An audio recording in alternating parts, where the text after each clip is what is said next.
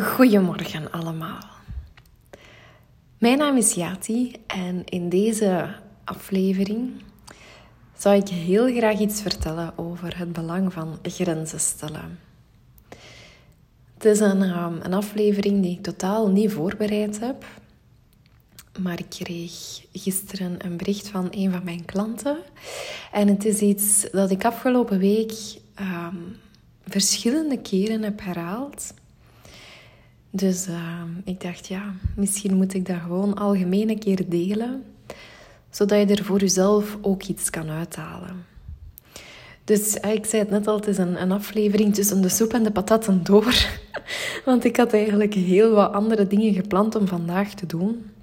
Maar wat, dat maakt niet uit, dat kan heel even wachten. Dus, grenzen stellen. Hmm. Ik denk dat dat iets heel moeilijk is. Als je heel graag ja zegt tegen iemand anders. Om dan zomaar nee te gaan zeggen. Dat is niet iets dat je vanzelf kan doen. Dat is iets dat je heel vaak leest op internet of in boekjes of in gewone boeken ook. Stel je grenzen. Iets dat je heel vaak leest, iets dat je heel vaak tegenkomt. Maar iets dat super moeilijk is om in de praktijk te gaan toepassen. En het ding is, ik kreeg dan gisteren een bericht van iemand. Het is iemand die bij mij in, in een traject op lange termijn zit.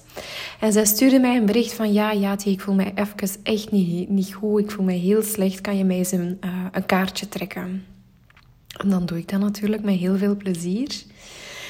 En dan uh, deze morgen stuurde ze mij dat het, uh, dat het eigenlijk te maken had met iemand van haar vorig werken. Een heel verhaal daarachter, maar dat maakt nu niet veel uit. Maar um, om een bepaalde reden wordt er met een rechtszaak gedreigd. Waardoor dat mijn klant uh, volledig in paniek gegaan is. Um, dat ze een knoop in de maag voelt en dat ze hartkloppingen heeft. En um, ze schreef mij ook nog van... Ja, mijn intuïtie zegt dat alles wel goed komt, maar mijn hoofd komt daar dan tussen. En dan um, vraag ik mij af... Ja, stel dat er financiële kosten op mij afkomen. Wat moet ik dan verwachten en kan ik dat wel aan?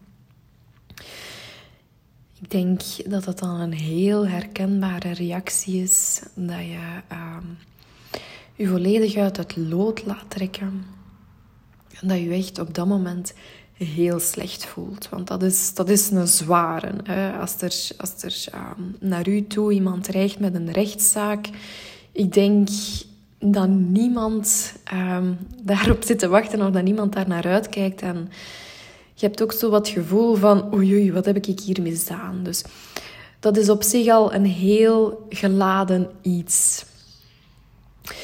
Nu, um, wat dat voor mijn klant vooral van belang was, hè, wat ik er in eerste instantie wou meegeven, is van um, blijf heel dicht bij jezelf. In de zin van, je weet dat je recht in je schoenen staat. Je weet dat je dat aan kunt. En hoe meer dat je je uit het lood laat slaan, hoe meer dat je de kracht bij de ander legt, hoe meer dat je je eigen kracht buiten jezelf gaat leggen. Dus in eerste instantie, wat kan je doen om je beter te voelen? Als je ook in een gelijkaardige situatie komt te zitten, daarom niet uh, waarbij dat er gedreigd wordt met een rechtszaak, maar dat kan heel persoonlijk uh, ja, dezelfde, dat kunnen dezelfde omstandigheden zijn, maar gewoon vermomd uh, als andere dingen. Dus als je zo voelt van ja, dat trekt mij hier echt volledig uit balans. Dit geeft mij een heel slecht gevoel. Dat brengt mij echt aan het wankelen. Wat moet je dan doen? Terugkomen naar jezelf en terugkomen naar dit moment. In de zin van nu, hier en nu, is alles goed zoals het is. Er is nog niks gebeurd. Ik ben nog volledig oké. Ik ben nog veilig. Ik heb een dak boven mijn hoofd. Ik heb eten dat mijn lichaam kan vullen. ik heb alles wat ik nodig heb om te overleven. Want op zo'n moment, als er zoiets gebeurt, dan gaat dat echt over overleven. Je bent niet meer aan het leven, maar dat is alsof dat er u iets overneemt en je gaat overleven. En wat wil dat zeggen? Dat er ehm, een disbalans ontstaat in je wortelchakra. En uw wortelchakra, dat staat natuurlijk voor veiligheid, stabiliteit, voor te kunnen leven en niet overleven. En heel dat verhaal van uh, financiële angsten of angsten in het algemeen, dat speelt daar ook heel sterk in mee. Dus dat hangt allemaal al samen. Dat om te beginnen. Dus wat kan je doen op zo'n moment om je beter te voelen? Dat is gronden, hè, met je blote voeten in het gras gaan lopen. Of um, je visualiseren dat er wortels uit je voeten komen. Je kan dat wortelchakra ook opnieuw in balans brengen of gaan ondersteunen um, door bijvoorbeeld aardetinten te gaan dragen als kleding of te gaan eten als voeding dan natuurlijk. Dat zijn allemaal dingen die je kunnen helpen om terug naar het hier en nu te komen, terug naar dit moment. En dan natuurlijk is het belangrijk um, dat je bij jezelf een keer gaat kijken van oké, wat is hier nu juist aan het gebeuren? Wat wil deze situatie mij komen vertellen? Want dat is iets, om nu verder te gaan met dat voorbeeld van die rechtbank, dat is al een gevolg van iets. Dat ontstaat niet zomaar. Dat heeft al een, een andere oorzaak. Dus die rechtbank is eigenlijk het gevolg wat we zien aan de oppervlakte, aan de buitenkant, aan de buitenwereld.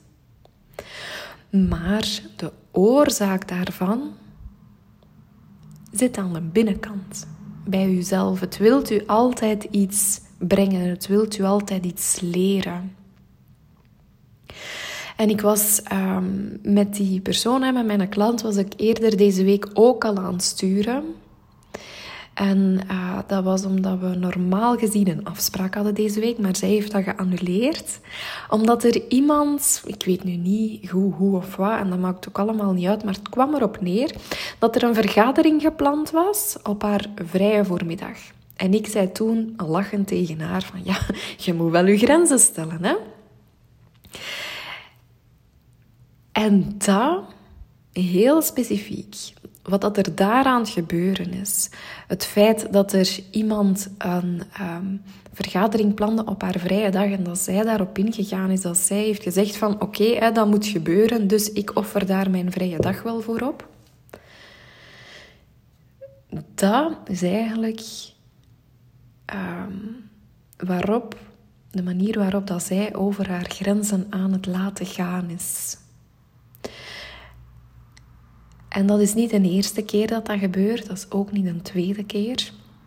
Maar dat is al de zoveelste keer. En voor mij is dat heel duidelijk de les die zij nu mag leren. Want uiteindelijk, de persoon hè, waarover dat, dat deze week dan ging, wie of wat dat er dan ehm, iets ingepland had op haar vrije dag. En ehm, de persoon die dan dreigt met de rechtszaak, die hebben op zich niks met elkaar te maken. Die hebben ehm, alleen mijn klant als schakel. Hè. Mijn klant is daar de verbindingen. Maar wat dat er aan het gebeuren is, loopt wel parallel met elkaar. Dus het zijn eigenlijk twee triggers die mijn klant iets willen leren en het gaat over dezelfde les. Het gaat over je moet je grenzen stellen. Dus wat dat er op dat moment belangrijk is, is in eerste instantie dat je dat verband met elkaar kan zien, dat je dat groter geheel met elkaar kan verbinden dat je voor jezelf daar bewust van kan worden. Dat in de allereerste plaats, altijd opnieuw, dat bewust worden. Want het staat niet los van elkaar. Alles wat er in je leven gebeurt, alle personen die in je leven zijn, alle ervaringen dat je meemaakt. Het is allemaal met elkaar verbonden. En als er iemand een vergadering in uw agenda plant op uw, op, uw, op uw vrije dag en jij laat dat toe. Of als er iemand met een rechtszaak komt dreigen en jij laat dat toe. Dat is telkens over uw eigen grenzen laten gaan. Maar die rechtszaak is al een gevolg van hoe dat mijn klant nu in het leven staat en hoe dat ze telkens opnieuw over haar eigen grenzen aan het laten gaan is. Wil ik daarmee zeggen dat dat haar eigen schuld is? Nee, in geen geval. Want dit gaat niet over schuld. Dit gaat over het gevolg van uw eigen keuze, van de keuze dat jij maakt, elke dag opnieuw. Als we het hebben over schuld, dan zouden we ook in de slachtofferrol kruipen, bijvoorbeeld. Dit is mij overkomen. Ik moet mij daar schuldig over voelen, maar daar gaat het hier niet over. Het gaat om oorzaak en gevolg. En het gaat om verantwoordelijkheid nemen voor de keuzes dat je zelf gemaakt hebt. En als je dan zoiets hebt van, ja, maar als ik dan nee zeg, als je bang bent voor de gevolgen daarvan, wat als de mensen mij dan niet meer gaan leuk vinden? Wat als ze mij dan gaan afwijzen? Wat als ik niet meer graag gezien ga worden? Wat als ik er niet meer ga bijhoren? Wat als ze dan niet meer luisteren naar mij? Dat vertelt iets over jezelf. En het feit dat je daar bang voor bent, wil zeggen dat daar de oorzaak zit. Dat je bang bent voor afwijzing bijvoorbeeld, dat je bang bent om niet graag gezien te worden. Maar dat heeft niks te maken met grenzen stellen. Want als je grenzen gaat stellen voor jezelf, dan pas kan jij naar het universum uitstralen van kijk, ik aanvaard mezelf zoals ik ben. Ik aanvaard wat ik nodig heb om mij goed te voelen en ik kies ervoor om mij goed te voelen. Ik zeg nee tegen iemand anders om ja te zeggen tegen mezelf. En dat is wat dan een wereld van verschil kan maken. Dat is het moment waarop dat jij terug in het middelpunt van uw eigen energie, van uw eigen kracht gaat staan. Dat is het moment waarop dat jij voor jezelf kiest. Dat is het moment waarop dat jij ervoor kiest om mega veel energie te krijgen. Want hoe meer dat je ja zegt tegen anderen, hoe meer dat je hen met jouw energie laat lopen, hoe minder energie ook dat je voor jezelf kan overhouden. En als je dan zegt van oké, in liefde, tot hier mag je komen en niet verder. Hier kies ik voor mezelf. Hier kies ik voor mijn eigen welzijn. Dan sta jij op een compleet andere manier in het leven. Dan kan je echt die persoonlijke blokkades gaan doorbreken. En dan kan je ook een impact gaan maken. Vanuit jouw kern.